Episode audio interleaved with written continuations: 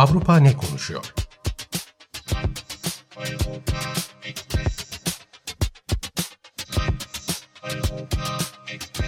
Avrupa medyasından yorumlar.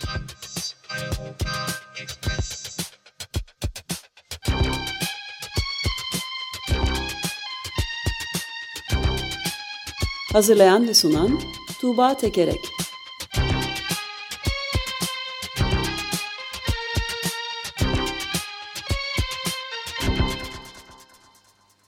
Günaydın Tuğba, merhaba.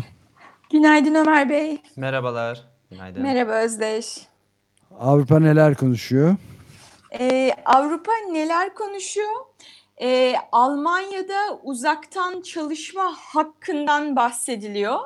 Ee, ayrıca bu Nobel ödülleri verildi biliyorsunuz. Nobel Barış Ödülü'nün Dünya Gıda Programı'na gitmesi nasıl bir şey diye konuşuluyor. Ee, ama ben öncelikle e, Belarus'ta cezaevinde diyalog e, başladı, tırnak içinde diyalog. E, bundan e, bahsederek e, başlamak istiyorum.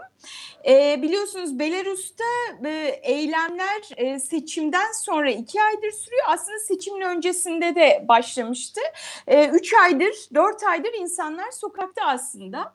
E, ve e, geçtiğimiz e, hafta sonunda e, ilginç sürpriz bir gelişme yaşandı. Lukashenko hapse attırdığı muhalefet temsilcileriyle cezaevinde görüştü. E, 11 e, tutuklu muhalefet e, temsilcisiyle bir yuvarlak masa etrafında bir araya geldi. Bu e, ilginç. Hapishane değil mi? Evet, aynen, evet, aynen. Atlamışız onu. Ben de duymamıştım. Çok çarpıcı bir bilgi doğrusu. Muhalefetin 13 gün verdiğini duydum yalnız Lukashenko'ya. Evet, o, mühlet. Evet, o ondan en son da bahsedeceğim. Ee, şey, e, bence de çok ilginç. Fotoğraf da son derece ilginç. Devlet tarafından o görüşmenin yuvarlak masa etrafındaki e, görüşmenin fotoğrafı yayınlandı. E, Eurotopics alt çizgi TR Twitter e, adresinden ben paylaştım. E, Açık Radyo internet sitesine de bu yayınların metinlerini koyuyoruz her hafta. E, orada da paylaşacağız birkaç saat içerisinde. İsteyenler bakabilirler. İlginç bir fotoğraf. İşte Lukashenko var, e, muhalefet liderleri var. Her birisinin önünde isim şeyleri var, isim kartlıkları var. E, isimleri yazıyor. Ee, burada e, işte yine devlet medyası tarafından e, yapılan e, duyuruya göre anayasa reformu görüşüldü. Lukashenko işte anayasayı değiştiriyoruz e, diyor ve hani insanları ikna etmeye çalışıyor. E, bu konuda tartışmalar var. Yani bu buluşma bir diyaloğun başlangıcı mı yoksa bir oyun mu diye. E, bu hani üç aydır sürdüğü için e, bu eylemler, e, bu muhalif liderlerden de biraz bahsetmek istiyorum. E, bu yuvarlak masanın etrafında e, Lukashenko'nun hapse attırdığı hani en güçlü cumhurbaşkanı adaylarından birisi denilen e, iş insanı Babariko ve oğlu vardı. Oğluyla birlikte attırmıştı. Ee, onun dışında bir YouTuber vardı. Yani YouTube'daki e, videolarıyla popülerleşmişti ve halkın işte ana, e, kırsalda da neler yaşadığını anlatan videolar çekip YouTube'a e, yüklüyor ve öylece bir muhalefet lideri olmuştu. E, bu e, bu Sergey Tikhanovski e, ilginç bir kişilik. Lukashenko'yu böceğe benzetiyor ve halkı gösterilere elinde terlikle gelmeye çağırıyordu. Biraz bahsetmiştik ve terlik devrimi yapacağız biz diyordu. E, Cumhurbaşkanlığına adaylığını da koyamadan o da e, hapse e, atılmıştı. E, ve e, işte e, cumartesi günü e, Lukashenko bu insanlarla görüştü e, cezaevinde. Bu bu bu şey ziyaret genel olarak Lukashenko'nun bir zayıflığı olarak nitelendiriliyor. Rusya medyasından bir yorum şöyle. Teslimiyetin ilk işareti bu. Lukashenko yurt dışından hem batıdan hem doğudan baskı görüyor kimse böyle bir müttefik istemiyor. Ayrıca yalanları artık işe yaramıyor. Ne seçimi Lukashenko'nun kazandığı yalanı ne sokağa çıkanın bir avuç çapulcu olduğu yalanı artık tutmuyor. E, şeklinde bir yorum var. E, öte yandan e, bu resmin mide bulandırıcı olduğunu düşünenler de var. Çünkü rehin alınmış insanları kendi propagandası için kullanıyor. İşte bakın ben anayasa için işte görüşmeler yapıyorum şeklinde.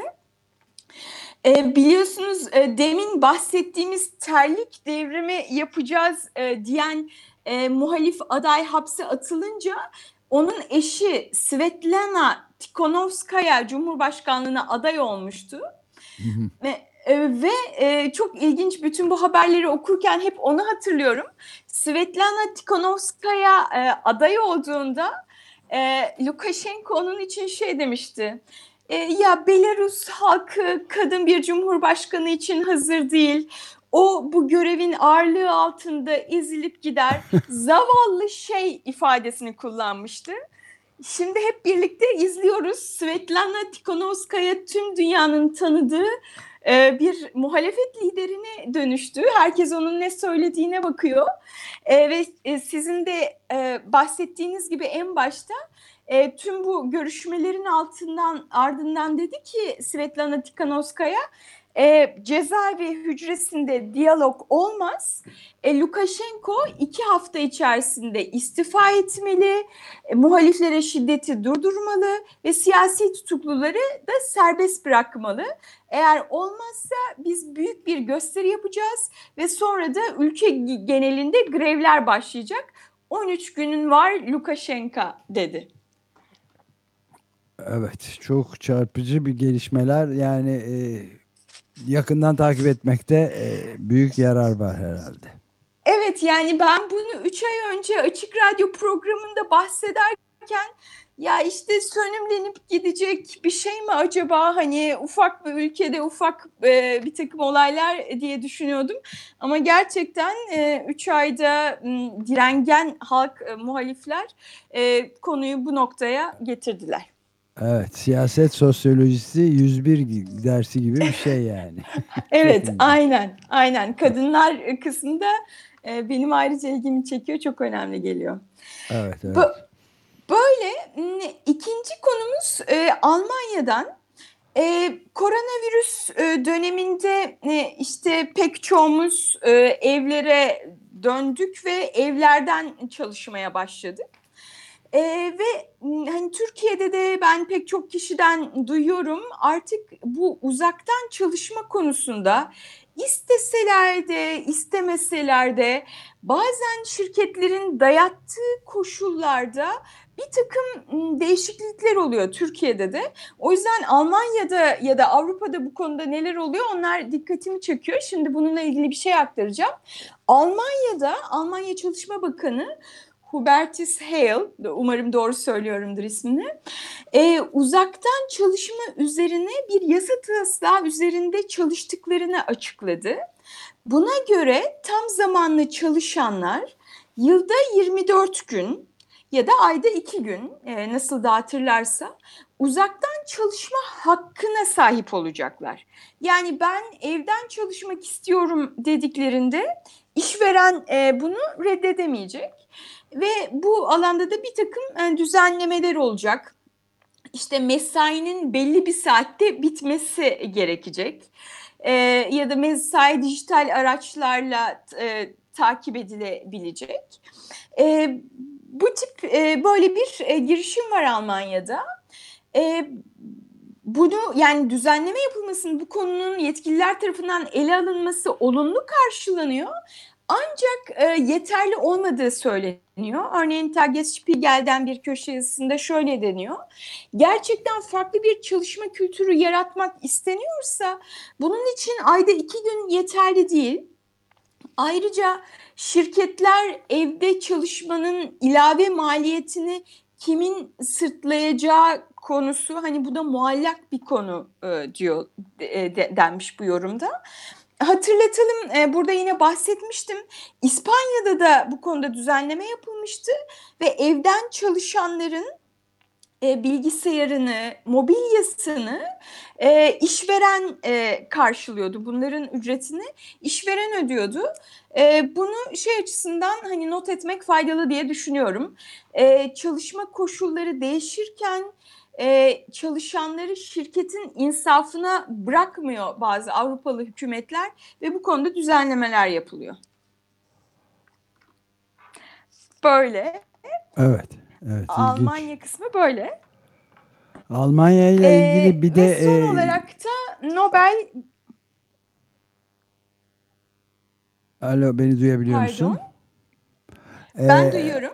Evet, e, Almanya'da e, bir de çok ilginç bir şey var. Yani bugünkü programın konusu değil tabii ama e, Deutsche Welle Türkçe'den bir e, ilginç haber de e, geçti e, elimize. E, FinSpy diye bir casus yazılımın e, firmasına polis baskını yapılmış ciddi bir şey. Soruşturma başlatmışlar. Bir arada 2018'de bu yazılımın Cumhuriyet Halk Partisi'ni izlemek üzere kullanıldığı iddiasını içeren epey sayıda da haber yayınlanmıştı. Belki tekrar gündem konusu olur diye bir not düşeyim burada. Evet, evet bu da takip etmemiz gereken şeylerden birisi. Ee, ve son olarak da Nobel Barış Ödülü biliyorsunuz Dünya Gıda Programı'na gitti. E, bu ödülü verilirken işte açlıkla mücadele ve çatışma alanlarındaki insanların yaşam koşullarının düzeltilmesine yaptığı kat- katkılardan dolayı bu ödülün verildiği e, söylendi. Bilmiyorum siz ne düşünüyorsunuz bu konuda Ömer Bey ve Özdeş? Ee, Avrupa'da bu kararı alkışlayanlar var bir yandan ama bir yandan da bu kararı pek de cesurca bulmayanlar var. Örneğin bir Hollanda gazetesinde şöyle deniyor. Çin muhakkak bu karardandır. Zira Pekin Hong Kong'daki aktivistlerin ödüle layık görülmesini şiddetle reddedeceğini önceden söylemişti zaten e, deniyor bu köşe yazısında ve deniyor ki işte önceden Nobel ödülleri e, kendini aşma cesaretini gösteren cesur devlet temsilcilerine ya da mesela Hitler'e meydan okuyan e, işte Alman gazeteci verilmişti.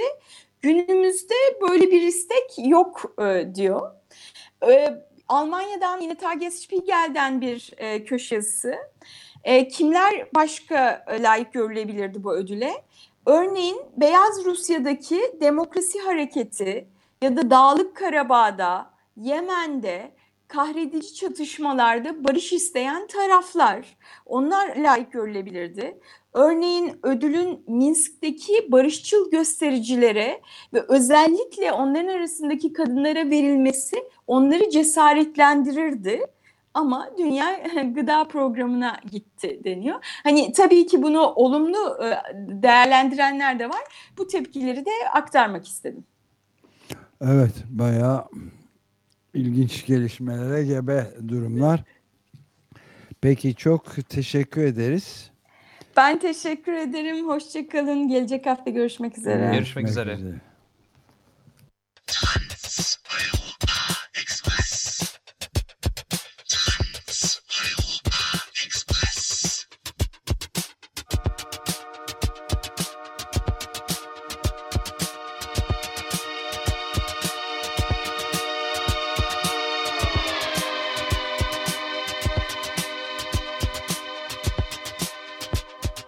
Avrupa ne konuşuyor?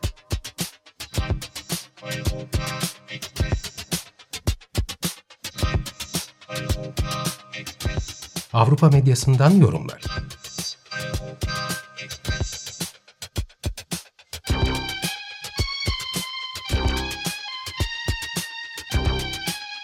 Hazırlayan ve sunan Tuğba Tekerek